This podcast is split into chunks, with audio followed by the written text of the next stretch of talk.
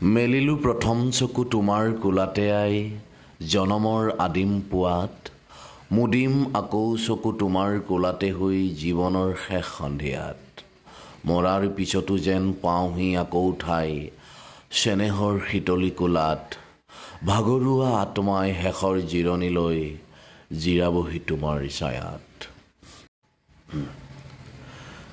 মেলিলোঁ প্ৰথম চকু তোমাৰ কোলাতে আই জনমৰ আদিম পোৱাত মুদিম আকৌ চকু তোমাৰ কোলাতে হৈ জীৱনৰ শেষ সন্ধিয়াত। মৰাৰ পিছতো যেন পাওঁহি আকৌ ঠাই চেনেহৰ শীতলী কোলাত ভাগৰুৱা আত্মাই শেষৰ জিৰণিলৈ জিৰাবহি তোমাৰ ছায়াত।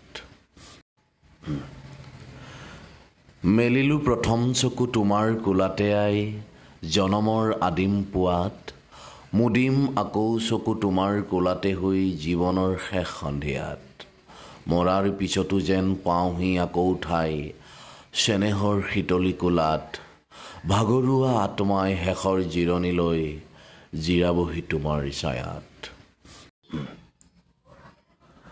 চাওক সত্তৰ আশী দশকৰ বহুত যুৱক যুৱতীৰ প্ৰেম কাহিনী এই নৈবোৰৰ লগত জড়িত হৈ আছে। তেওঁলোকে নিজৰ প্ৰেয়সীগৰাকীক বা নিজৰ ভালপোৱাজনক চিঠি দি পঠিয়াই যে আমি নৈ ঘাটত লগ কৰিম নৈ ঘাটত যাই লগ কৰে। বিভিন্ন ধৰণৰ সুখ দুখৰ কথা পাতে নৈৰ পানী চাই চাই। সেই প্ৰেম কিমান নিভাজ আছিল কিমান অকৃত্ৰিম আছিল। আৰু আজিকালি হোৱাটছআপত হাই হেল্ল' ফেচবুক ফোন আচলতে সময়বোৰ সলনি হ'ল।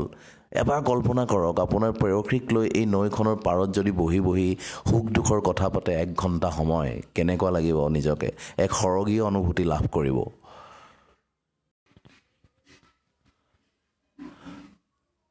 লগ দিয়াৰ কথা আছিল নৈৰে ঘাটত চেনাই ঐ যাবলৈ নোৱাৰোঁ মই আই আছে ৰৈ পিয়ালিৰ মূৰত।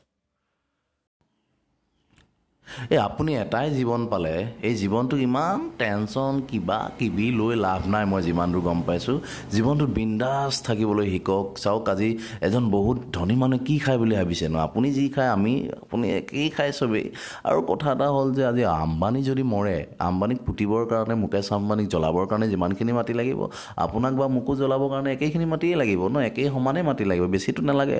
বা মুকেশ আম্বানীক জ্বলাবলৈতো মংগল গ্ৰহত লৈ নাযায় পৃথিৱীৰ কোনোবা এটুকুৰা মাটি মাটিতে জ্বলাব যাব ন? গতিকে কি মানুহ এইবোৰ লাভ নাই? গতিকে জীৱনটো যাপন নহয় জীৱনটো উদযাপন কৰক। নদীৰ পাৰত আহক বিন্দাছ বিন্দাছ বিন্দাছ থাকক বিন্দাছ